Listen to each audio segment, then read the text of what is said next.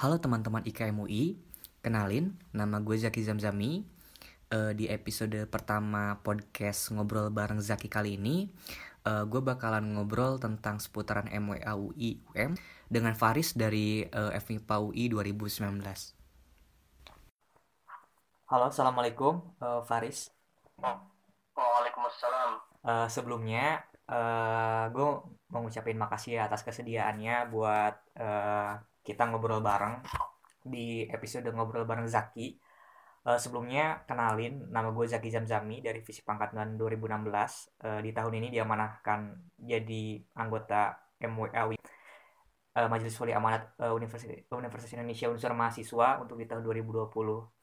Uh, jadi ngobrol bareng Zaki itu salah satu program kerja dari Badan Kelengkapan Badan Kelengkapan MWA UM uh, di tahun ini uh, yang intinya kita ngobrol-ngobrol seputaran dengan uh, MWA UI. Uh, terus nanti akan kita coba uh, upload di uh, Spotify dan uh, di Anchor. Kayak gitu sih, uh, Riz untuk uh, di awal. Mungkin bisa Bang. ah, bisa uh, apa ya kenalan dulu ya Faris karena sebelumnya kayaknya kita belum Oke. belum pernah ketemu ya. Iya, belum belum tapi uh, kenal Abang. Oh lah ya siap siap. Iya. Jadi uh, ada ininya nggak template-nya nih? Uh, bebas aja Riz. Memperkenalkan diri ya, saya Faris tapi Kurawan Winfa dari FMIPA. Dari FMIPA jurusan Fisika tahun 2019, Bang. Saya maba di sini. Ya, kurang lebih gitu. Oke oke. Eh iya Riz, Eh, berdasarkan yang Faris nanya, kira-kira dalam eh, ngobrol bareng Zaki episode pertama ini, eh, yang ingin diobrolin sama Faris gimana nih?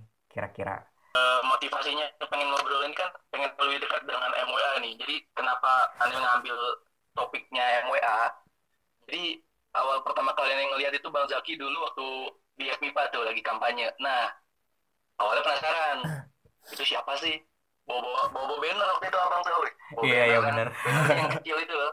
Iya iya. Banner kecil-kecilan itu. Yang standing Ngobrol banner di ya. Kantin Dallas. Eh, ngobrol. Oh, eh siapa tuh kayak kenal. Eh pas lihat ada poster yang lebih gede. Oh itu orang yang tadi tuh. Gitu kan. Ya malum lah maba kan masih curiosity-nya gede gitu kan masih penasaran. Iya iya. Nah, jadi ngulik-ngulik nanya-nanya. MWA tuh apaan sih? Nah, kan di maba itu ada pembinaan ya.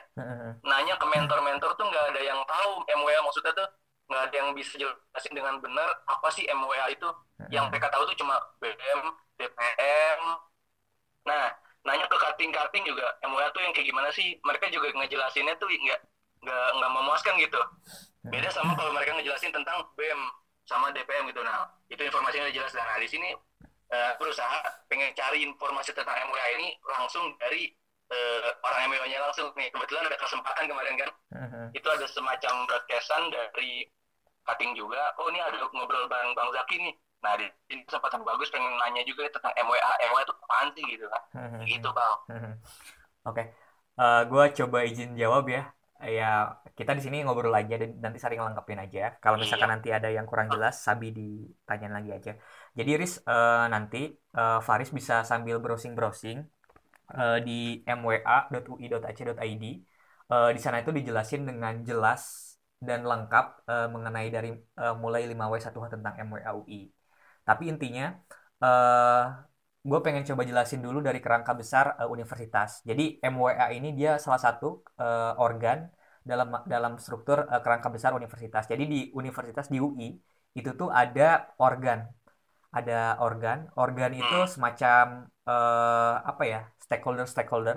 Yang pertama ada MWA UI, kedua rektor, ketiga senat akademik, keempat ada dewan guru besar. Nah, eh, MWA UI ini itu salah satu eh, organ paling tinggi yang ada di UI yang memiliki eh, fungsi pengawasan terhadap eh, eksekutif. Eksekutif di sini kaitannya adalah rektor UI. Rektor UI dia mempunyai eh, apa ya kerangka atau struktur ke bawahnya kayak misalkan dia mempunyai empat wakil rektor, terus ada direktorat itu di untuk di tingkat UI ya. Terus di struktur ke bawahnya lagi ada dekan-dekan tiap fakultas dan kemudian ada perangkat-perangkatnya yang sampai ke, tingkat ke level prodi. Nah, eta di situ eh, programnya adalah untuk mensukseskan dari apa yang ingin dicapai oleh eh, rektor UI. Dan di sini eh, kalau secara definisi ya, nanti Faris bisa baca juga nanti gue coba kirim juga linknya. kalau MWAU ini secara definisi dijelasin sebagai organ UI yang menjalankan fungsi normatif di bidang non akademik. Jadi MWAU ini tuh mempunyai karakteristik khas yaitu sifatnya di bidang non akademik. Senat akademik dan Dewan Guru Besar dia lebih di hal-hal yang sifatnya di akademik. Contohnya uh, memberikan pertimbangan mengenai aturan-aturan akademik, kurikulum, kemudian aturan-aturan pengangkatan uh, guru besar itu ada di adanya di DGB. Tapi tetap yang menjalankan itu adalah di eksekutif di tingkatan rektor. Karena kan di tingkatan rektor ada wakil rektor bidang uh, pendidikan dan kemahasiswaan. Bagaimana di sana riset dan kemudian pendidikan itu di, dikelola kan. Tapi dia mendapatkan pertimbangan dari senat akademik dan dewan guru besar. Jadi simpelnya kalau memahami di mahasiswa ya sebenarnya kayak agak sedikit susah ya kalau misalkan uh, baru tahun-tahun pertama. Tapi simpelnya kalau di mahasiswa itu, Faris pernah ikutan ini gak kepanitiaan? Oh pernah bang. Biasanya ada PO ya, Project Officer. Iya. Nah, uh, kalau diibaratkan MWA itu adalah dalam kerangka itu, MWA itu bisa di, diibaratkan sebagai steering committee, steering committee dari Project oh, Officer, kayak gitu. Iya iya. Nah, uh, udah okay. sampai sana ya, udah sampai sana nangkep. Nah, terus uh, tugasnya adalah untuk mengawasi project officer. Bagaimana project officer ini punya capaian, punya target, punya rancangan anggaran yang harus uh, dilaksanakan atau yang harus dicapai. Itu dievaluasi kinerjanya itu oleh si uh, steering committee ini. Kalau kaitannya dalam MWA adalah oleh MWA ini. Namun dalam konteks MWA, hal yang bisa atau menjadi pokok uh, pembahasan di sana adalah hal-hal yang bersifat uh, non akademik. Contohnya adalah uh, misalkan tentang fasilitas, tentang tata kelola oh, kampus siap. kayak gitu uh, dan di sini MWA itu dia terdapat 17 anggota sebenarnya kalau misalkan baca sejarahnya ya nanti gue coba share juga uh, sejarahnya itu udah ada MWA UI ini sejak tahun 2000 ris kayak gitu oh. Jadi uh, sebenarnya kalau misalkan dibandingkan dengan usia UI yang yang cukup tua. Uh, cukup tua ya. Uh, eh, MWA ini tuh ya dapat diibaratkan sebagai uh, remaja yang baru tumbuh karena ada ya ada karena kebijakan pemerintah yang dinamakan dengan BHMN dulu itu.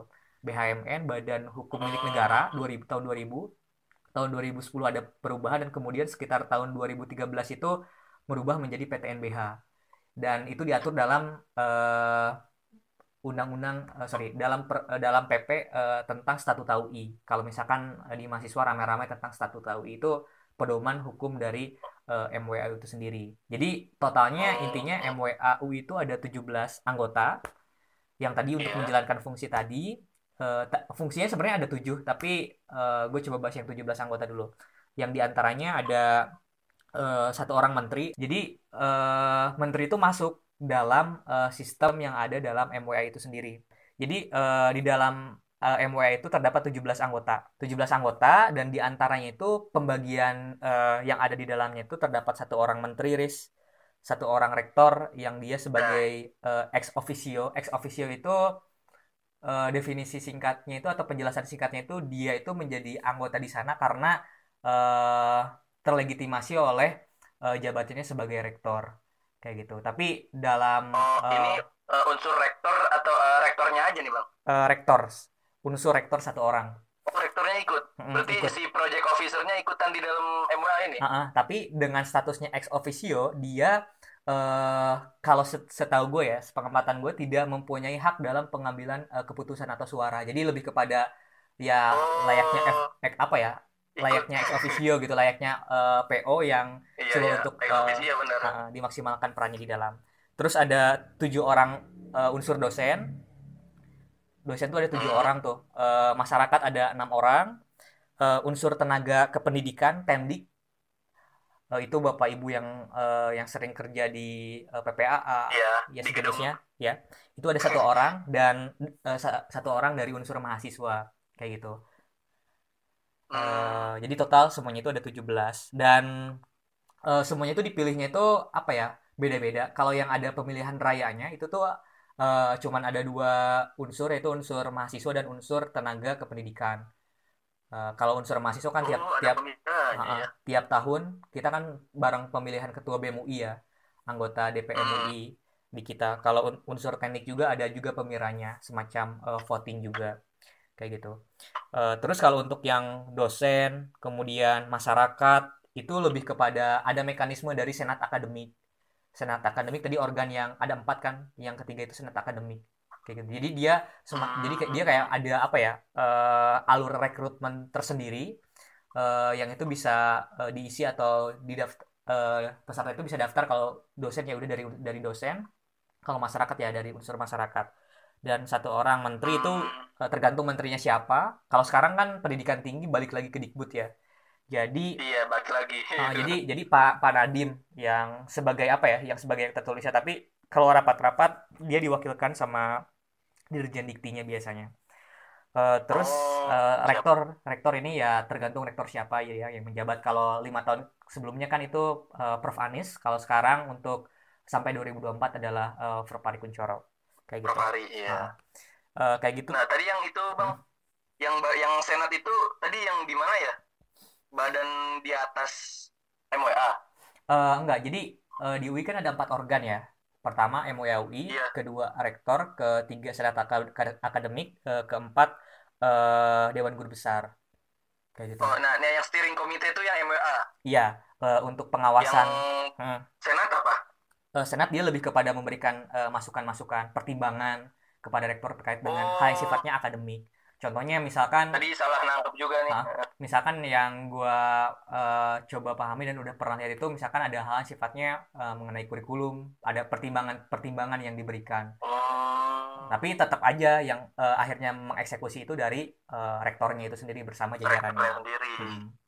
Jadi kalau uh, misal MWA itu hmm. Steering committee, MWA itu memberikan apa tadi? pengawasan aja ya, bukan hmm. pertimbangan. Nah, jadi gue coba jelasin ya, uh, coba sebutin ya ada tujuh uh, tugas dan kewajiban anggota MWA. UI. Oh, okay. Yang pertama, menetapkan kebijakan umum UI yang mendapatkan pertimbangan dari Senat Akademik dan Dewan Guru Besar. Terus kedua ada melakukan pengawasan terhadap kondisi keuangan UI. Ketiga ada uh, mengesahkan RPJP, rancangan uh, ya rancangan jangka panjang terus ada uh, Renstra rancangan lima tahunan. Terus ada RKA rencana uh, kerja dan anggaran dan ada RKT rencana uh, kerja tahunan. Jadi kalau dalam negara itu kan negara kan punya RPJP biasanya ya. Terus uh, ada Renstra ada kalau dalam negara itu istilahnya itu RPJMN menengah lima tahunan. Nah kalau di UI itu istilahnya Renstra. Jadi misalkan gini sekarang kan Prof Anis baru sorry Prof Ari baru menjabat. Nah dia itu punya Renstra. Iya. Sebenarnya lima tahun menjabat sampai tahun 2024 itu apa sih yang pengen dia capai untuk UI? Apa oh, sih yang oh, pengen dia lakukan? Nah yeah. itu pembahasannya uh, dibahas di kita dan disetujui di kita juga untuk uh, Renstra tapi mendapatkan pertimbangan. Terus uh, dan sekaligus uh, mengevaluasi serta meng mengevaluasi implementasinya. Nah uh, Renstra ini ada dia berpedoman terhadap RPJP uh, Renstra ini ada, dia menjadi pedoman untuk uh, apa ya rancangan kegiatan anggaran tahunan, rencana kegiatan RKA dan RKT tahunannya UI. Contohnya, contohnya misalkan UI di tahun ini mau bangun apa aja untuk di investasinya. Uh, kemudian hal-hal yang bersifat pendanaannya ada di di bidang apa saja. Nah itu uh, MWL tuh mengevaluasi di sana untuk kegiatan per tahunnya kayak gitu. Dan pengesahan uh, anggaran juga itu disahkannya di MWA kayak gitu Riz. Hmm, uh, jadi setiap kali ada rapat pengesahan R apa RPJP dan Renstra ini uh, si 17 anggota ini hadir semua ya? Uh, iya. Jadi uh, harusnya hadir hmm. semuanya. Tapi uh, terkadang kan yeah. tiap iya. orang punya kesibukan. Tapi sama aja kayak misalkan hmm. dalam forum-forum ada apa ya ada batas minimum. Uh, forum bisa berjalan ketika uh, batas minimum itu telah uh, tercapai kayak gitu ini mirip kayak forum tingkat tinggi tapi tahunan gitu nggak sih? Forum tingkat tinggi tapi tahunan hmm, kalau disebut tahunan tahunan mungkin enggak sih tapi lebih kepada hal yang sifatnya apa ya kontinu berjalan. Karena kan timeline universitas kan uh, dia apa ya dia hampir beda apa ya gak beda jauh sama timelinenya negara ya. Ada pengajuan anggaran ada implementasi dan evaluasi Uh, dan uh, di UI juga sama RIS uh, modelnya kayak gitu. Jadi contohnya gini, uh, dari MIPA misalkan uh, Faris ikutan lembaga kemahasiswaan atau organisasi di boleh tahu apa kalau boleh tahu? Uh, lembaga dakwah di FMIPA bang. Oke, okay, MII ya. Uh, nah, yeah. misalkan MII itu anggaran kemahasiswaannya itu masuk ke kemahasiswaan FMIPA. kayak gitu uh, nah oh, iya. itu pengajuannya itu uh, biasanya kan dari dekanatnya ya dekanat itu udah berbagai anggaran uh, misalkan penelitian dan pengajaran uh, dan untuk dana kemahasiswaan. Itu di antaranya. Itu diajukan ke uh, tingkat UI ke tingkat PAUI kemudian kan kita ada 14 fakultas dan satu program vokasi. Itu semuanya di compile uh, di compile berdasarkan masukan-masukan uh, dan kemudian berdasarkan penggajian dari pihak uh, UI-nya kemudian kalau misalkan ada yang tidak sesuai dibalikin lagi ke dekanatnya ke tiap fakultas atau vokasinya untuk disesuaikan nah setelah itu ada timeline itu untuk diajukan kepada MWA untuk disahkan untuk dibahas dan disahkan. Oh, kayak gitu. di ujung di MWA ya? Uh, ujungnya di MWA uh, data yang apa ya uh, compile itu semuanya. Yang di sana uh, di kami di MWA itu biasanya ada pembahasan uh, pembahasan hal-hal yang sifatnya kan kita dari berbagai unsur ya. Kalau misalkan gue ya dari unsur mahasiswa ya otomatis meng-highlight uh, hal-hal yang sifatnya berkaitan langsung dengan mahasiswa. Itu yang uh, mayornya, yang minornya uh, mungkin hal-hal yang tidak berkaitan tapi gue bisa mendorongnya di sana untuk UI yang lebih uh, optimal lagi kayak gitu. Karena uh, pada akhirnya kan tiap-tiap unsur itu harus uh, apa ya menggambarkan dari uh, kebutuhan apa ya konstituennya. Kalau gue kan unsur mahasiswa berarti uh, sebenarnya kayak mahasiswa itu butuhnya apa, uh, maunya apa kayak gitu makanya ya di kami di BKMWA kayak misalkan ada semacam kayak gini ada jaring aspirasi ada diskusi-diskusi uh, ke mahasiswa pun koordinasi ke teman-teman di tingkat lembaga seperti uh, BEM kayak gitu hmm. itu tadi hmm, tugas nomor tugas nomor tiga Riz masih ada empat lima enam tujuh tadi tiga ya oh, hmm. masih banyak juga ya iya tujuh iya, iya. tujuh iya. total itu keempat itu memberikan masukan kepada rektor atas pengelolaan UI uh, dan uh, pelaksanaan peraturan perundang-undangan kelima uh, melakukan penilaian atas kinerja rektor uh, sekali dalam setahun bersama-sama dengan uh, senat akademik dan dewan guru besar terus mengangkat dan memberhentikan rektor UI Terus yang terakhir e, menyelesaikan permasalahan UI yang tidak dapat diselesaikan oleh organ lain setelah melalui pertimbangan rapat koordinasi antar organ. Kayak gitu, Riz. Jadi e, itu tugas e, pokok dan kewajiban e, MWA UI pun beserta anggota MWA-nya. Jadi ya kerjaan kita di sekitaran itu itu aja gitu. Pada akhirnya. Ini kalau dilihat ada tugas nomor 6 nih yang mengangkat dan memberhentikan rektor ini kalau di kenegaraan ini mirip MPR kita nggak ya? Iya, Iya mirip. Tapi kan kalau di kita kan sebenarnya uh, Iya ya. Iya ya lanjut aja, Riz. Uh, jadi uh, kalau misalnya dikaitkan misal kayak ada majelis eh apa perwakilan eh permusyawaratan rakyat gitu. Hmm. Ini kan masuk ke ranah legislatif gitu ya. Kira-kira kalau MWA ini ada hubungan legislatif dengan DPM nggak sih, Bang? DPM UI. Iya, yang tingkat universitas. Uh, kalau untuk MWA UI ini dia kan organ ya. Jadi sebenarnya uh, enggak berkaitan sih uh, Riz tapi karena oh, ka, tapi karena MWA UI UM ini di Undang-Undang Dasar IKM UI sebagai uh, lembaga kemahasiswaan di dalamnya kan ada BEM ada DPM UI, yeah. ada Mahkamah Mahasiswa, ada Badan Audit, ada MWA UI UM. Nah, MWUM ini diamanahkan oleh teman-teman mahasiswa oleh Undang-Undang Dasar IKM UI untuk untuk menyuarakan aspirasi mahasiswa di sana berdasarkan dengan ketentuan MWAUI. Jadi ya pada akhirnya sebenarnya kalau untuk konteks MWAUI UIUM ya, dia diatur di mahasiswa dia diatur ada peraturan, ada hal-hal yang harus dia uh, tunaikan kewajibannya, pun juga hak-haknya tersedia juga di sana. Tapi untuk secara MWAUI yang MWAUM terlegitimasi di MWAUI uh, itu diaturnya di uh, eh, MWAUI karena uh, Riz gini di MWAUI sendiri itu banyak juga peraturannya hmm, peraturan-peraturan internal jadi yang salah satunya itu adalah tentang uh, menjaga kerahasiaan tentang data-data. Karena kan sebenarnya uh, apa ya yang kita bahas semuanya itu adalah hal-hal yang sifatnya sensitif mengenai masalah anggaran.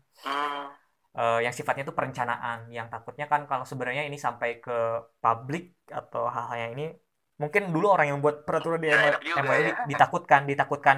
Kan kayak mungkin bukan hal yang apa ya bukan hal yang tabu lagi sebenarnya setiap universitas itu kan berlomba-lomba dalam untuk mencapai taraf terbaikan yeah. nah mungkin hal yang seperti itu karena ya sifatnya sensitif juga nah tapi yeah. di iya. sini MWAWM dengan segala uh, karena MWA UUM ini udah ada dari beberapa tahun sebelumnya juga jadi ya berusaha untuk menampilkan dan menyuguhkan hal-hal yang bisa disuguhkan kepada mahasiswa yang sifatnya itu melalui badan kelengkapan kayak gitu kalau uh, Faris uh, ngikutin mungkin di semua akun sorry di semua postingan MWA UUM ya di official account sama di Instagram itu kalau misalkan gue setelah rapat biasanya gue kasih tahu tuh ke mahasiswa apa saja yang dibahas dan hal yang berkaitan dengan yang hal-hal yang urgensinya berkaitan dengan mahasiswa itu apa. Dan uh, eh, MYUM butuh apa dari teman-teman? Misalkan aspirasi suara data uh, yang itu pada akhirnya bisa coba disuarakan oleh MWAUM di uh, tingkat MWAUI-nya kayak gitu. Tapi contohnya misalkan publikasi uh, apa not notula lengkap semuanya uh, itu diatur kayak gitu dalam peraturan. Jadi pada akhirnya ya gue coba untuk membahasakan dengan bahasa gue uh, seorang mahasiswa uh, ke teman-teman mahasiswa yang lain. Yang salah satunya itu mungkin caranya dengan kayak gini juga gitu. Ya kita ngobrol yeah. uh, mungkin walaupun dua orang ya tapi uh, nanti kan harapannya ini bisa dapat didengar juga oleh teman-teman di KM yang lain. Oh. kayak gitu dikira uh, sejak awal tuh uh, kalau kita menyuarakan aspirasi itu ke lewat ke DPM gitu nggak ke MWA oh ternyata ke MWA ya? Uh, yang dipikiran yang dipikiran ini sebagai maba ya. Uh, karena DPM tuh ibarat apa uh, kental dengan legislatifnya gitu dikira bisa menyuarakan aspirasi sampai ke tingkat rektor gitu kan. Kalau misalnya ada pengen menyuarakan sesuatu nih ngadunya ke DPM gitu kan. Tapi uh, apakah harus ke DPM aja atau ke MWA aja gini Uh, sebenarnya kalau di student government kita ya di pemerintahan kampus kita itu sebenarnya bisa ke DPM nanti DPM menyampaikan ke UM ke MWUM kalau misalkan itu harus disuarakan uh, di tingkat MWA UI ataupun harus dikoordinasikan bersama uh, jajaran rektorat kayak gitu. Tapi uh, itu bisa disampaikan ke teman-teman BEM juga kayak gitu. Dan sebenarnya kayak uh, gue gak pernah membatasi sih teman-teman IKM itu mau ke siapa tapi baiknya ketika teman-teman IKM UI udah udah tahu ada perwakilan satu orang mahasiswa di MWA yeah. UM itu harapannya akan semakin lengkap datanya dan uh, ya? uh, dan gue berharap kayak semuanya itu jadi jadi padanya itu gerak gitu dan ya oh. semuanya ya makin berharap optimal terhadap outputnya kayak gitu Riz. Hmm. Kayaknya kalau untuk BEM DPM itu ada forum besar bersama guru besar dengan senat akademik ini nggak sih? Uh, setahu gue gak ada sih sejauh ini Riz. Oh, karena sebenarnya gini khusus untuk hmm. apa MWA ya, jadi hmm. benar-benar uh, mempertimbangkan uh, nasib UI dan masa depan UI gitu. Hmm, dalam hal perencanaan, dalam hal implementasi dan evaluasi. Ya. Karena kan oh. sebenarnya uh, lembaga kemahasiswaan itu kan di bawah Dirmawa ya. Kalau Faris tahu, ada. Direktorat Kemahasiswaan. Direktorat Kemahasiswaan itu di tingkat UI ya, di bawah bidang satu. Bidang satu itu adalah wakil rektor bidang uh, pendidikan dan kemahasiswaan. Jadi secara nggak langsung teman-teman BEM itu secara strukturnya itu uh, ada di bawah koordinasi uh, Dirmawa tadi. Uh, Dir, Dirmawa tadi. Sedangkan MWA UI dia uh, dia organ UI gitu. Jadi uh, gue iya, part mirip otonom gitu ya. Uh, uh, uh, uh, karena sebenarnya uh, Riz sedikit cerita juga ya MWA ini ada karena uh, produk dari sorry dari kebijakan pemerintah yang waktu itu adanya otonomi perguruan tinggi. Iya otonomi tadi ya. Uh, yang intinya itu kan sebenarnya hmm. intinya intinya ya negara itu sebenarnya udah gak bisa mengcover semua kebutuhan universitas yang semakin tiap tahun itu semakin tinggi jadi pada ini diberikan makin naik, uh, ya, makin tinggi. diberikan wewenang untuk universitas itu uh, mencari sumber-sumber lainnya makanya itu adanya aturan uh, undang-undang dikti kemudian adanya badan atau uh, organ yang dinamakan MWUI yang di dalamnya ada berbagai unsur yang uh, dia bisa untuk berkontribusi dan uh, memaksimalkan apa yang bisa dimaksimalkan dari tugas dan fungsinya makanya di sini kalau. Faris tahu makanya ada satu orang menteri jadi pada akhirnya pemerintah di sini nggak cabut juga ris ya walaupun sebenarnya jadi ikut uh, ya ikut deal. Hmm, ikut tahu gitu misalkan UI itu anggarannya berapa tahu. prosesnya seperti apa itu mereka terlibat juga di dalam uh, kalau yang gue pahamin dan kemudian walaupun sebenarnya rektor itu punya kontrak kinerja kalau dulu tuh bersama Dikti ya bersama Kemenristek kalau sekarang itu tiap rektor se Indonesia itu uh, ke Dikbud punya targetan. Jadi misalkan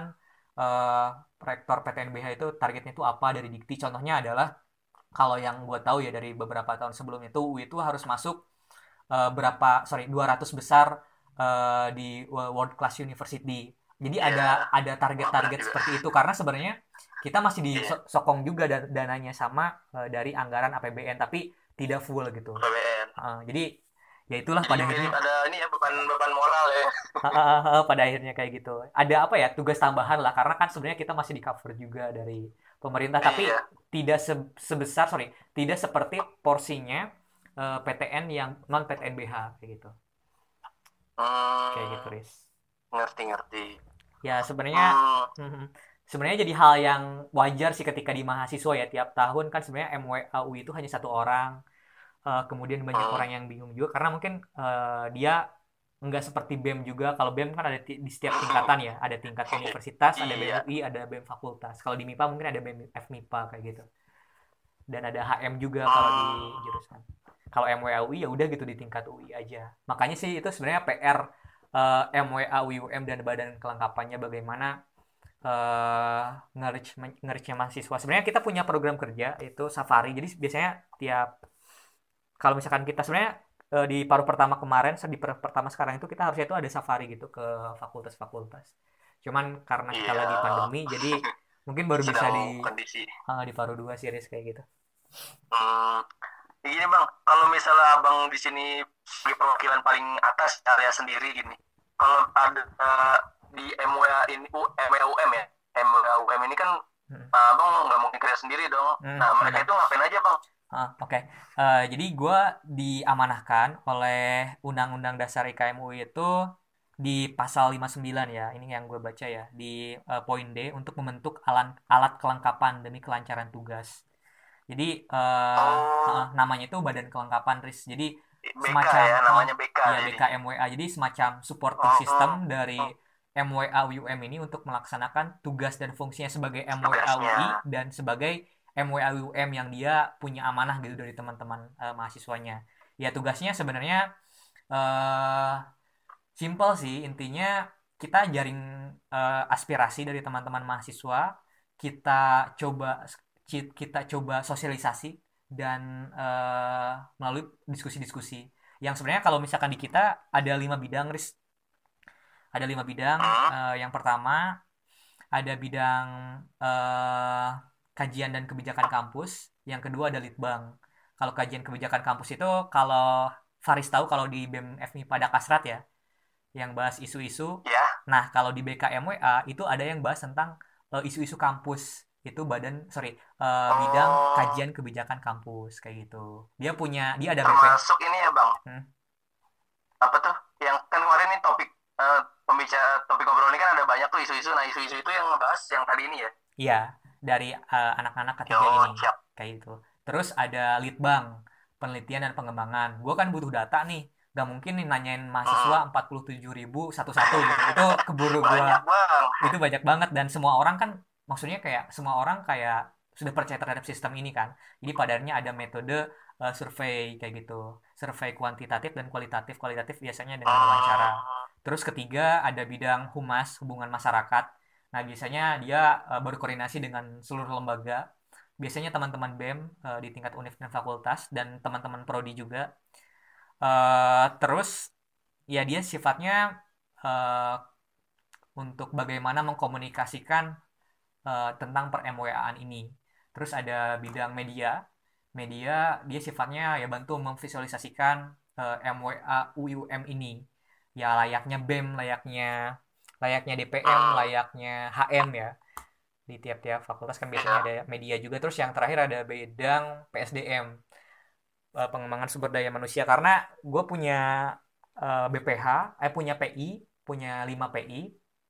Uh, kemudian punya BPH itu sekitar uh, kurang lebih 15-an, 15, 14 atau 15 terus wow, punya punya staff. Jadi total-total itu di grup itu ada sekitar 45 orang, Riz.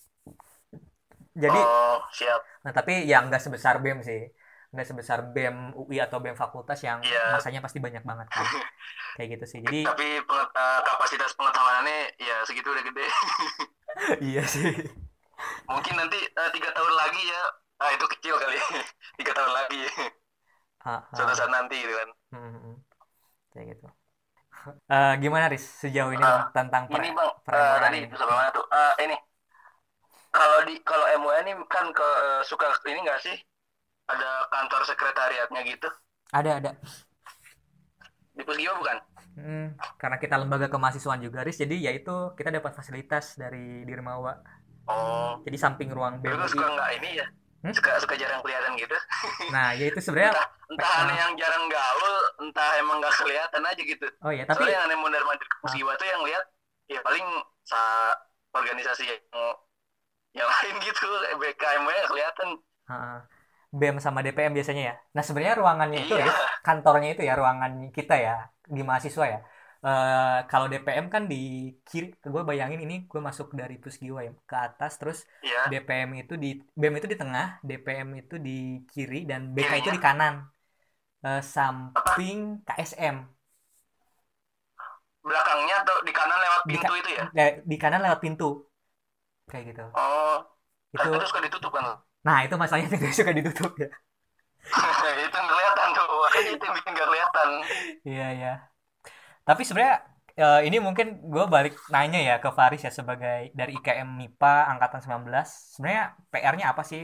Uh, ini kan kalau kita lihat secara substansi kan MWA ini punya peranan penting ya.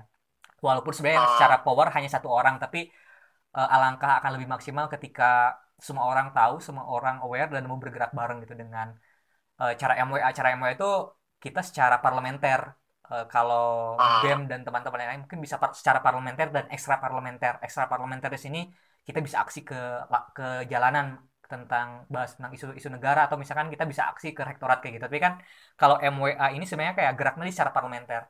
Kira-kira mungkin dari Faris ada saran atau ide gitu terkait dengan ya memaksimalkan satu orang mahasiswa ini pun dengan badan kelengkapannya.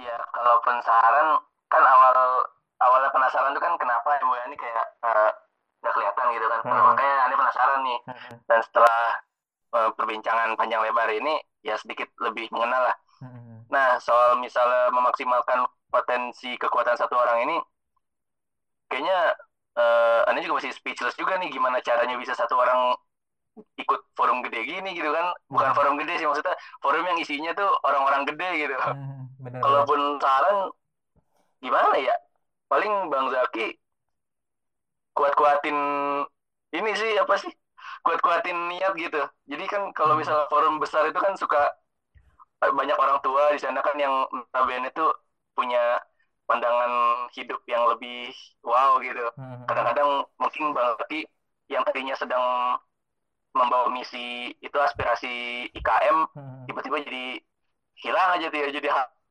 Hmm. Nah, mungkin sarannya yang tadi itu ya, hmm. uh, mungkin kan itu forum besar hmm. gitu, ada banyak orang-orang itunya lah gitu. Hmm. Uh, kuat-kuatin niat bang, hmm.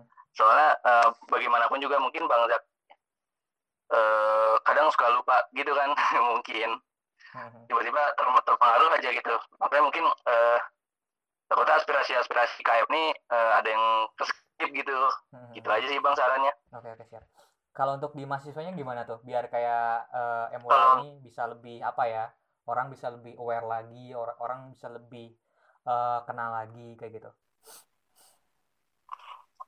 kenal sama apa nih MWA-nya iya sama MWA-nya kayak gitu oh bukan sama orang jadi gini uh, mungkin jadi kalau berkaca dari pribadi sendiri ya, nih hmm. sendiri kan awalnya nih penasaran nih sama MWA. Hmm. Wah pasti nih MWA ini punya potensi nih, hmm. yang mana bisa menyalurkan aspirasi. Makanya nih cari terus nih informasi tentang MWA. Hmm.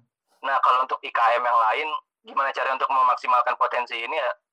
Uh, eh, MWA ini, eh tunggu nih IKM-nya atau MWA-nya bang tadi? Uh, di IKM-nya. Di IKM-nya ya? ya MWA di nah, IKM-UI-nya. IKM-nya ini kalau bisa sih terbuka gitu hmm. kalau ada kita punya MWA gitu loh hmm. terbuka maksudnya tuh ya kalau dia nemu isu apa hmm. uh, aspirasikan gitu soalnya ya kalau misalnya IKM ini uh, pikirannya sama kayak aneh semua kayak tadi tuh kalau aspirasi itu ke DPM misalnya hmm. tanpa memik tanpa memandang ada MWA nah itu masalah padahal kan kita punya satu power nih yang bisa tembus langsung ke forum besar tadi tuh ada senat akademik dan guru besar hmm Nah, itu yang uh, eh, IKM perlu membuka matanya gitu kalau kita tuh punya satu power. Hmm, oke oke. Oke oke. Oke, siap Riz. Siap, thank you ya, uh, buat saran dan masukannya. Lagi nih. Uh, thank you banget buat saran dan masukannya ya. tadi yang terpenting tentang niat ya tentang niat bagaimana kita menyuarakan ya itu harus hal yang selalu dipegang karena ya MWA UUM kan di apa ya mendapatkan legitimasi pertamanya dari teman-teman mahasiswanya ya uh, melalui proses pemilihan pemilihan, pemilihan raya uh, tiap orang punya hak suara untuk uh, memilih ya walaupun kadang orang kan mikir kayak MWA itu apa kayak gitu atau MWA UUM itu apa. Jadi padannya kayak itu hal apa ya suatu hal yang menjadi iya, dilematis setiap tahunnya. ah, tiap tahunnya kayak gitu. itu apaan sih? Ah, apalagi kan majelis-majelis kan kayak gitu. Dan nggak semua PTN juga mempunyai uh, organ seperti ini. Karena kita kan di Indonesia itu baru ada sekitar 11 PTN BH ya Riz ya. Jadi kalau kita bandingkan senam sama PTN yang lain kan uh, misalkan berapa banding 11 kan itu jauh banget ya jadi hal yang wajar iya, juga ketika jauh kita di UI belum tahu apa itu MWA dan ya memang uh, ini tidak terlalu tersebar juga di kampus-kampus lainnya. Jadi 11 PTN BH pun kayak UI, ITB, UGM, uh, eh, ITS dan yang lainnya itu ada beberapa juga yang sampai saat ini uh, belum belum memiliki uh, majelis wali amanat uh, unsur mahasiswanya. Kayak misalkan di uh, yang di Medan itu belum ada uh, belum ada apa ya belum ada perwakilannya juga kayak gitu Terus kayak yang di UPI kalau kalau gak salah juga ya sampai sampai saat ini belum ada uh, perwakilan mahasiswanya juga gitu di sana. Jadi uh, sebenarnya jadi hal yang PR sih ini tuh untuk uh, kita bareng-bareng ya. Apalagi ada sekarang kan medsos ya media sosial untuk coba memperkenalkan yeah. uh, MWA UUM ini kayak gitu. Oke oke. Oke siap Riz. Nah hmm. kalau MWA ini tunggu sebentar. Kalau Bang Zaki ini dulu uh, motivasinya pengen jadi powernya MWA nih kalau buat tahu gimana ya bang? Soalnya kan ah. kemarin waktu bang Zaki kampanye ini ah. ada dua calon nih kalau nggak salah. Okay, okay. Satu lagi ada satu lagi calon gitu nah. Iya yeah, iya. Yeah. Nah, awalnya pernah penasaran nih. Hmm. Ini MWA uh, eh, jarang kelihatan gitu misalnya. Hmm. Uh, tapi ada kampanyenya nih jadi penasaran kok orang berebut nih pengen jadi MWA gitu kan. Iya. Gimana tuh bang ceritanya bang? Iya waktu itu kan MWA calonnya udah ada dua kan. BEM waktu itu masih nyari-nyari kan BEM UI ya sebenarnya motivasinya simpel sih Riz uh, pengen coba untuk kontribusi dan uh, melanjutkan apa ya melanjutkan advokasi di tingkat lebih lanjut karena uh, itu kan berangkat gue selalu bilang kan ke teman-teman IPM itu itu gue berangkat dari tiga tahun gue di Adkesma BEM gitu di Adkesma BEM UI di Adkesma BEM uh, fakultas divisi terus di Adkesma BEM lagi yang mana kan sebenarnya kita itu kerja BEM atau gue di Adkesma itu uh, itu bekerja karena ada kebijakan-kebijakan dari uh, pihak eksekutif kan mengenai anggaran. Hmm. Contoh misalkan ada secure parking yang pembahasannya tiba-tiba juga. Iya, yang kemarin sempat ramai itu. Uh, yang rame-rame di tahun 2019 itu. Uh, simpel itu sih sebenarnya. Bagaimana kayak gue melihat ternyata ada satu ruang yang mana gue bisa di sana uh, melakukan apa ya bisa sedikit besarnya melakukan hal gitu yang gue nggak bisa pernah lakukan di beberapa waktu sebelumnya kayak gitu series dan hmm, sebenarnya uh, kalau misalkan mau disebutkan beberapa hal yang sudah mulai terlihat ya sebenarnya kan kayak kita di kita itu lebih kepada perencanaan ya jadi yeah. ketika kita sudah menyepakati perencanaan A, B, C, dan D, ketika ke tahap implementasi, ketika ada pandemi gini, pada akhirnya kan jadi timelinenya molor kayak gitu. jadi, iya. Nah, jadi, jadi tenggelam lagi. Uh, jadi tenggelam lagi. Jadi contohnya itu kayak misalkan kita bakal ada konseling uh, di tiap uh, fakultas. Jadi konseling tingkat tuh itu kan tentang casement uh, itu kekurangan kan uh, tenaga psikolognya. Kayak gitu itu kekurangan di klinik Makara itu. Jadi biasanya mahasiswa misalkan uh, eh, gue pengen konsul nih tentang hal tersebut tentang casement ke yeah. klinik itu klinik Makara, Makara. itu biasanya harus nunggu 5 sampai enam uh, hari kayak dulu gitu. biasanya. Mm -mm, janji. Mm -mm, kayak gitu. Dan itu karena kekurangan SDM-nya dan ada beberapa isu hmm. katanya uh, untuk uh, apa ya gaji dan sebagainya itu ada hal-hal yang harus diperjuangkan kayak gitu. Jadi pada akhirnya uh, eh, gue di sana mengusulkan bagaimana kalau ini ditambahkan tenaganya karena berdasarkan data mahasiswa kayak gini. Terus kemudian di tiap fakultas baiknya ada juga karena kan sebenarnya uh, enggak semua orang uh, aksesnya ke klinik Makara juga. Jadi pada akhirnya biar UI itu lebih mantap lagi memfasilitasi mahasiswanya. Dan itu udah disepakati sih kemarin dan rencananya eksekutif atau rektor itu akan mengadakan di sekitaran bulan September mudah-mudahan kalau pan mudah-mudahan kalau, pandemi ini eh, nggak uh, sampai akhir tahun ya. ya gitu. cepat berakhir lah bang. Iya, mudah-mudahan cepat berakhir. Ya kayak gitu sih ini salah satunya. Hmm. jadi uh, jadi ini lagi nih jadi kepikiran hmm. seandainya MWA ini nggak ada apakah aspirasi yang abang lontarkan tadi itu bakal didengar gitu Soalnya tadi kayaknya asik juga nih masalah konseling ini kalau misalnya nggak disuarakan kan hmm. apa apa jadinya gitu. Hmm. Sebenarnya kalau misalkan MWA ini ada tapi nggak ada unsur mahasiswanya ya, nggak uh, ada perspektif dari mahasiswanya. Yang mana sebenarnya kayak yeah. Mahasiswa ini kan dia pihak yang apa ya terdampak kalau ada kebijakan. Contohnya iya, kita kalau, di sini. Uh, kalau biaya pendidikan naik kita yang terdampak atau calon mahasiswa uh. baru yang terdampak. Ada secure parking kita yang terdampak tapi kita cuma punya satu orang walaupun satu orang itu misalkan tidak tidak bisa ketika vote ya ketika voting walaupun dia menolak dan semuanya setuju padanya kan tetap kalah tapi pada akhirnya dia itu memberi, uh, pada akhirnya dia itu memberikan perspektif ini loh iya. bapak ibu mahasiswa itu gini gini gini gini kita itu sebenarnya uh, mau loh untuk berdiskusi karena kita semuanya rasional juga ada hal-hal yang bisa didiskusikan dan kita coba iya. cari jalan tengahnya itu seperti apa jadi lebih ke di sana sih kalau gue lihat ya karena sebenarnya ketika gue coba pahamin terkadang sudut pandang uh, dosen Mereka, uh, ya. dari unsur dosen dari unsur teknik dari unsur masyarakat apalagi yang misalkan dia belum nggak di UI ya dulu kuliahnya pasti hmm? Pasti kan punya pandangan yang berdasarkan uh, jangkauannya dia kan tidak kontekstual iya. di masa sekarang kayak gitu sih jadi ya sebenarnya apa ya kalau dijamin banget kebutuhan sorry aspirasi mahasiswa itu 100% bakal terwujud gue tidak bisa memastikan itu tapi setidaknya ketika ada poin penting yang bisa diakomodir itu alhamdulillah. Tapi ketika itu tidak bisa diakomodir karena ber, ber apa ya tidak mendapat dukungan tidak sorry ber, apa ya bertabrakan dengan kepentingan unsur yang lain setidaknya ada perspektif mahasiswa yang disampaikan. Jadi ketika nanti teman-teman bem teman-teman mahasiswa UI pada demo tuh di depan rektorat ya setidaknya uh, gue sebagai UM udah menyampaikan. Kenapa? Di, di forum langsung uh, tidak gitu ya. uh, dalam proses perencanaan contohnya misalkan dalam proses penganggaran dalam proses uh, implementasi bahkan evaluasi UI itu tahun depan itu harus seperti hmm. apa. Kenapa pada akhirnya mahasiswa itu kenapa sih tiap tahunnya selalu ngamuk kalau misalkan BOP-nya itu naik? Nah pasti kan ada di, ada hal yang harus dievaluasi kan? Kayak kemarin gue menyampaikan iya. gini ketika yang naik itu itu kan yang uh, non S1 non, non reguler ya untuk uh, kamar iya non reguler tuh kasihan. Hmm kayak gitu. Ya gue bilang kayak untuk untuk tahun-tahun selanjutnya ya coba ini uh, pertama dibahas di bersama anggota MWAUI itu yang pertama. Dan yang kedua coba untuk uh, diajak mahasiswanya untuk uh, berdiskusi minimal dari teman-teman BEM kayak gitu. Untuk terkait hmm. dengan hal itu. Karena sebenarnya kan uh, BEM merepresentasi, merepresentasikan juga kan dari uh, IKM uh, tiap fakultasnya ataupun yang di tingkat universitas. Ya sebenarnya kayak bareng-bareng aja dalam prosesnya mahasiswa dalam hal tersebut kayak gitu. Kalau bisa forum terbuka ya udah terbuka gitu.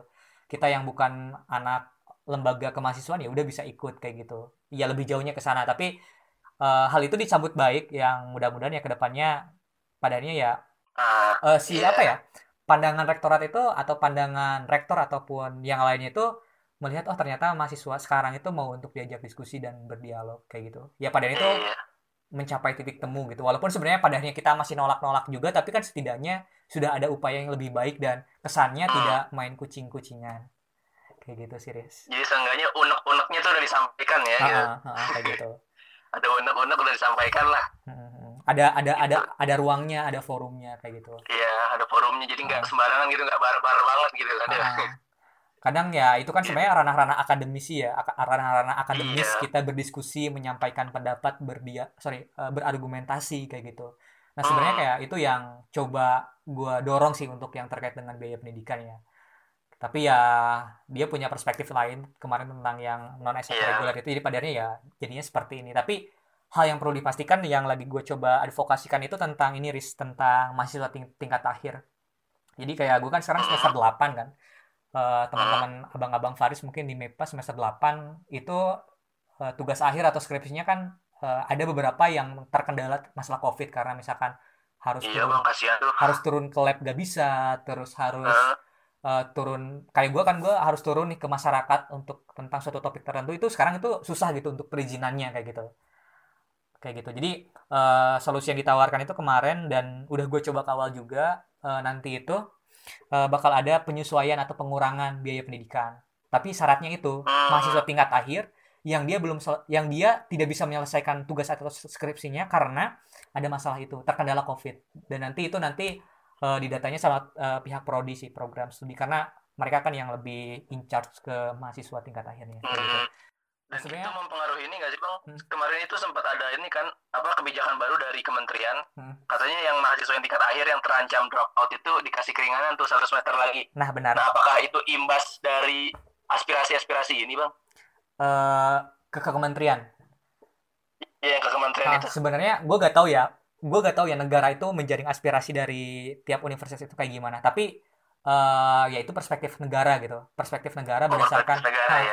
perspektif oh. kementerian berdasarkan konteks uh, pendidikan tinggi mahasiswa tapi sebenarnya uh, itu beberapa udah coba udah coba diimplementasi juga sih di beberapa universitas yang dia dapat himbauan itu atau aturan itu ya ya mudah-mudahan lah di UI juga uh, sifatnya ada hal yang fleksibel seperti itu kayak gitu hmm, tapi ya itu pada akhirnya risk point yang pengen gue sampaikan adalah ketika jadi pada akhirnya itu ya walaupun UM tidak karena dia misalkan tidak bisa menggolskan di satu titik ya padanya dia mencoba mencari iya. titik-titik yeah. lain yang padanya yang padanya itu yeah. yang padanya itu mahasiswa itu pertama tidak menjadi pihak yang sangat dirugikan terus yang kedua ada ada ada momen-momen dia sangat diuntungkan atau diuntungkan ataupun yang yeah. paling flatnya yang paling dasarnya adalah kita tidak diuntungkan dan kita tidak dirugikan kayak gitu contohnya misalkan UI mau hmm. bangun apa mau bangun apa mau bangun apa ya udah. Selama itu tidak uh, merugikan mahasiswa selama itu tidak uh, membuat kita menjadi apa-apa atau sorry tidak mempengaruhi tidak merugikan kita ya menurut gue itu salah satu opsi yang bisa diambil juga. Karena uh, dalam proses MWA ini kan padanya proses negosiasi kan. Proses bagaimana kita menyepakati A, B, C dan D. Gak mungkin kan semuanya kita dapatkan kan dari A sampai B eh, sorry dari A sampai D dari A sampai Z pasti ada hal-hal yang iya, kita gak bisa uh, juga, bener. Uh, apalagi udah satu orang uh, mahasiswa dia harus berdiskusi bersama iya kayak gitulah hal yang kayak iya, gitulah yeah, yeah. yang mudah-mudahan Faris ngerti juga yeah. dan teman-teman IKMU juga nanti jadi, mungkin bisa nangkep juga komite tadi kan ya jadi iya kita steering gitu yeah. apa pun yang dilakukan sama eksekutif itu uh, kita pantau hmm. kita pikir-pikir nih ini merugikan atau enggak nih gitu kan iya tapi kita juga nggak bisa serakah ya gitu iya karena ya kita apa ya kadang kan karena dalam konsep hak itu kita terbentur dengan hak orang lain kan Iya. Tapi ya itu sebenarnya udah menjadi tugas UM ya untuk bagaimana pada akhirnya ya tiga opsi itu. Pertama menguntungkan mahasiswa, yang kedua merugikan mahasiswa, yang ketiga tiga tidak menguntungkan dan tidak merugikan. Gue mikirnya nah. tiga itu sih pada akhirnya dalam setiap apa ya pengambilan kebijak kebijakan. Jadi pada akhirnya ya bijak-bijak dan pandai-pandai dalam bernegosiasi. Ya tadi ini iya. uh, bang tantangan terbesar bang Zaki banget ya sebagai satu-satunya power paling di ujung nih Iya. Kalau misalnya ya aja, wah buyar. Iya. Kayak tadi yang yang yang saranannya tadi tuh. Mm-hmm. Kalau misalnya buyar, ya gak lupa. Aduh gimana tadi? gitu. Iya itu salah satu dan. Kata itu aja sih bang. Dan trust juga sih kepercayaan juga. Itu berpengaruh juga hmm. trust kayak gitu. Karena hanya satu orang mahasiswa, kalau misalkan dari mereka udah nggak trust itu jadi suatu persoalan baru oh, lagi. Gitu. Kayak gitu. Sedangkan iya, teman-teman ma- sedangkan kan teman-teman mahasiswa menginginkan sorry membayangkannya aspirasinya banget bakal tersampaikan dengan lancar. Iya, Tapi kan sebenarnya udah wow wow gitu iya, kan. Ada proses kan di dalamnya. Mm -hmm. Kayak gitu sih, Riz. Uh, sedikit nah, gambaran ya konteks dari ya. obrolan ini Anda jadi tahu nih kalau misalnya ada aspirasi itu nggak langsung serta merta naik gitu. Ada tadinya ada prosesnya gitu kan. Mm -hmm. Soalnya kalau kalau yang anda tahu datang MWA ini ya ada aspirasi dikabulkan lah gitu, mm -hmm. gitu kan. Mm -hmm. Makanya mm, kita harapannya IKM ini tahu banyak tentang MMA sih gitu iya.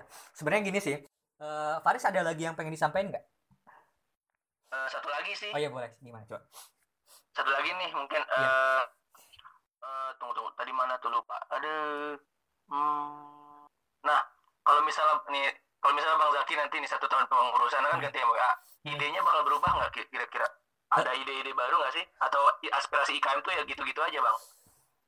Uh, untuk UM ya unsur mahasiswa ya. Biasanya nggak terlalu berubah 180 derajat tapi biasanya ada pembaharuan-pembaharuan. Kayak misalkan di tahun ini teman-teman mahasiswa banyak kasus kekerasan seksual yang terungkap kan di teman-teman mahasiswa. Jadi kayak coba untuk didorong bagaimana universitas ini mengeluarkan pengaturan sorry peraturan yang mengatur terhadap kekerasan seksual. Yang sebenarnya itu belum iya. diatur secara lebih detail yang itu sebenarnya dua atau tiga tahun sebelumnya itu ya belum pernah terangkat. Ya walaupun sebenarnya di tahun sekitaran tahun 2016 pernah ada kekerasan seksual juga kan yang di iya. uh, salah satu salah satu fakultas itu kayak gitu. Ya tapi sebenarnya pada akhirnya ya uh, hal yang jadi polemik dari sekitar 2017 bahkan dari 2016 dari 2016 itu ya tentang biaya pendidikan sih biasanya. Yang bagaimana sebenarnya ini selalu tidak menemukan titik temu antara pihak rektorat dan uh, teman-teman mahasiswa kayak gitu. Hmm. dan sebenarnya kayak simple sih. Padahalnya yang yang yang coba gue refleksikan itu simple. Kita tuh sebenarnya dalam proses perencanaan itu pengen dilibatkan pengen diajak diskusi pengen diajak uh, terbuka gitu tentang datanya. Tapi dari mereka tiba-tiba biasanya kan langsung dengan kebijakan yang tiba-tiba uh. baru di website. Sebenarnya kak itu yang selalu terulang dari tiap tahun-tahun ke tahun. Walaupun sebenarnya gue gue yakin ya tiap unsur mahasiswa itu udah udah ngomong ke rektor atau ke di uh, eh, MWA itu sendiri. Tapi ya ini mungkin butuh butuh perjuangan bareng-bareng juga dan ya, mungkin harapannya uh, ya mungkin ya. harapannya ya ini bisa coba lebih baik itu untuk ke depannya. Kayak gitu. Iya. Oh oke. Okay. oke gimana Riz? Iya terbuka lah pandanganku nih. Ya siap. Mungkin bisa setelah ini karena kita nanti bakal coba upload juga di Spotify sama uh, di Anchor. Jadi ini tuh bakal jadi episode pertama ngobrol bareng Zaki dengan uh, topik seputaran MWA basic topik seputaran MWA yang tentang basicnya 5W 5W1H tadi yang tentang berkaitan dengan uh, MWA juga tadi kan tentang ada ya kebijakan-kebijakan yang terkait dan proses itu seperti apa tapi sebenarnya kayak mungkin ini iya. closing statement gue ya uh, di ngobrol bareng Zaki episode pertama ini uh, eh, gue tuh selalu pengen bilang ke teman-teman mahasiswa itu terkadang ada ekspektasi uh, yang terlalu tinggi terhadap MWA UUM ini. Ekspektasi yang sebenarnya uh, itu tidak salah, tapi memang itu terjadi, itu terwujud ekspektasi tersebut karena uh, minim informasi, uh, terus uh, bingung untuk mengakses informasi di mana dan kemudian uh, mengeneralisasi setiap permasalahan itu yang pada itu uh, mereka menganggap teman-teman mahasiswa itu menganggap bisa diselesaikan di uh, MWA UI ini atau iya, diwakilkan oleh MWA. UIM ini MWA UIM ini tapi padahal sebenarnya pada pada pada faktanya ya pada pada penjelasannya dia kan kerjaannya uh, udah jelas di hal yang sifatnya non akademik terus yang kedua uh, dia mempunyai tujuh tugas dan kewajiban pokok. Itu yang kedua. Yang ketiga dia diatur juga oleh peraturan internal. Peraturan. Uh, internal. Yang kayak dia harus uh, A B C ada hak dan kewajiban ada uh, aturan dia harus menjaga kerahasiaan juga. Jadi pada akhirnya sebenarnya poinnya ketika dengan banyaknya media seperti ini, dengan adanya forum mahasiswa sebenarnya kayak makin saling mengerti gitu. Bagaimana kondisi MWA UM yang sebenarnya, bagaimana dengan pada akhirnya nanti uh, teman-teman mahasiswa menyesuaikan dengan ekspektasi yang ada. Gue gak pernah menyalahkan ekspektasi iya. teman-teman mahasiswa, tapi pada akhirnya agar ekspektasi itu bisa uh, terbayarkan, sorry, bisa terjawab, otomatis ketika teman-teman menanyakan tentang pertanyaan A, ketika gue menjawab uh, dengan jawaban B kan itu tidak tidak memuaskan kan ya walaupun yeah, sebenarnya gue ya gue hanya bisa menjawab di B karena ada uh, keterbatasan ada peraturan yang mengikat dan tugas gue memang di sana kayak gitu. Dan harapannya hmm. ketika mahasiswa ini bisa menyesuaikan dengan ekspektasi dan kondisi realita yang ada yaitu memberikan pertanyaan atau memberikan ekspektasi di tingkat B ya harapannya itu akan semakin uh, memuaskan dan uh, eh, menjawab ya, ya, menjawab juga menjawab juga dari teman-teman uh, eh, IKM UI kayak gitu. Gue gak menyalahkan uh, semua kondisi yang ada tapi terkadang gue mencoba untuk bersama teman-teman BK ini loh teman-teman kondisinya seperti ini bahkan kan kondisi-kondisi politik juga kan sebenarnya itu berpengaruh juga kayak gitu.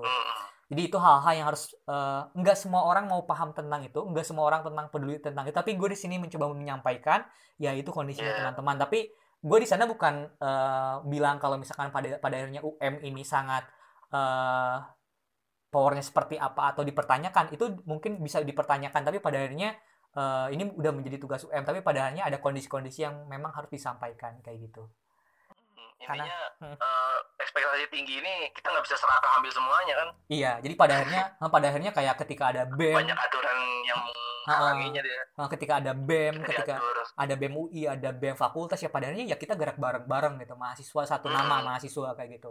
Ketika misalkan kita kemarin merasakan ramai-ramai merasakan tentang secure parking yang ramai banget ya kemarin itu. Kita satu gitu satu iya. nama mahasiswa kayak gitu.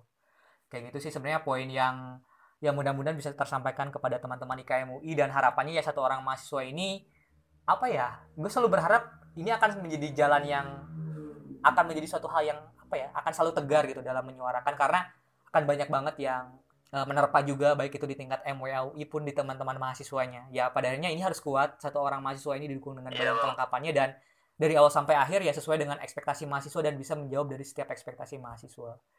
Kayak gitu sih, Riz. Iya, Bang. Intinya itu harus tegar bang itu juga salah satu kecemasan juga sih jadi iya. jujur aja aneh juga cemas nih cemas gimana gitu takut oh bang Zaki di forum besar kalau niatnya goyah aja wah buyar nih orang aduh Iya, sama juga gitu. nih, jadi khawatir lah bang ada rasa khawatir nih. Iya, dan Soalnya itu ya. Sama sendiri nih kan powernya. Iya, dan itu harus tetap dikawal sih dan dikuatkan lah oleh teman-teman di kayak gitu. Iya bang, semangat terus ya bang. Siap, siap, siap.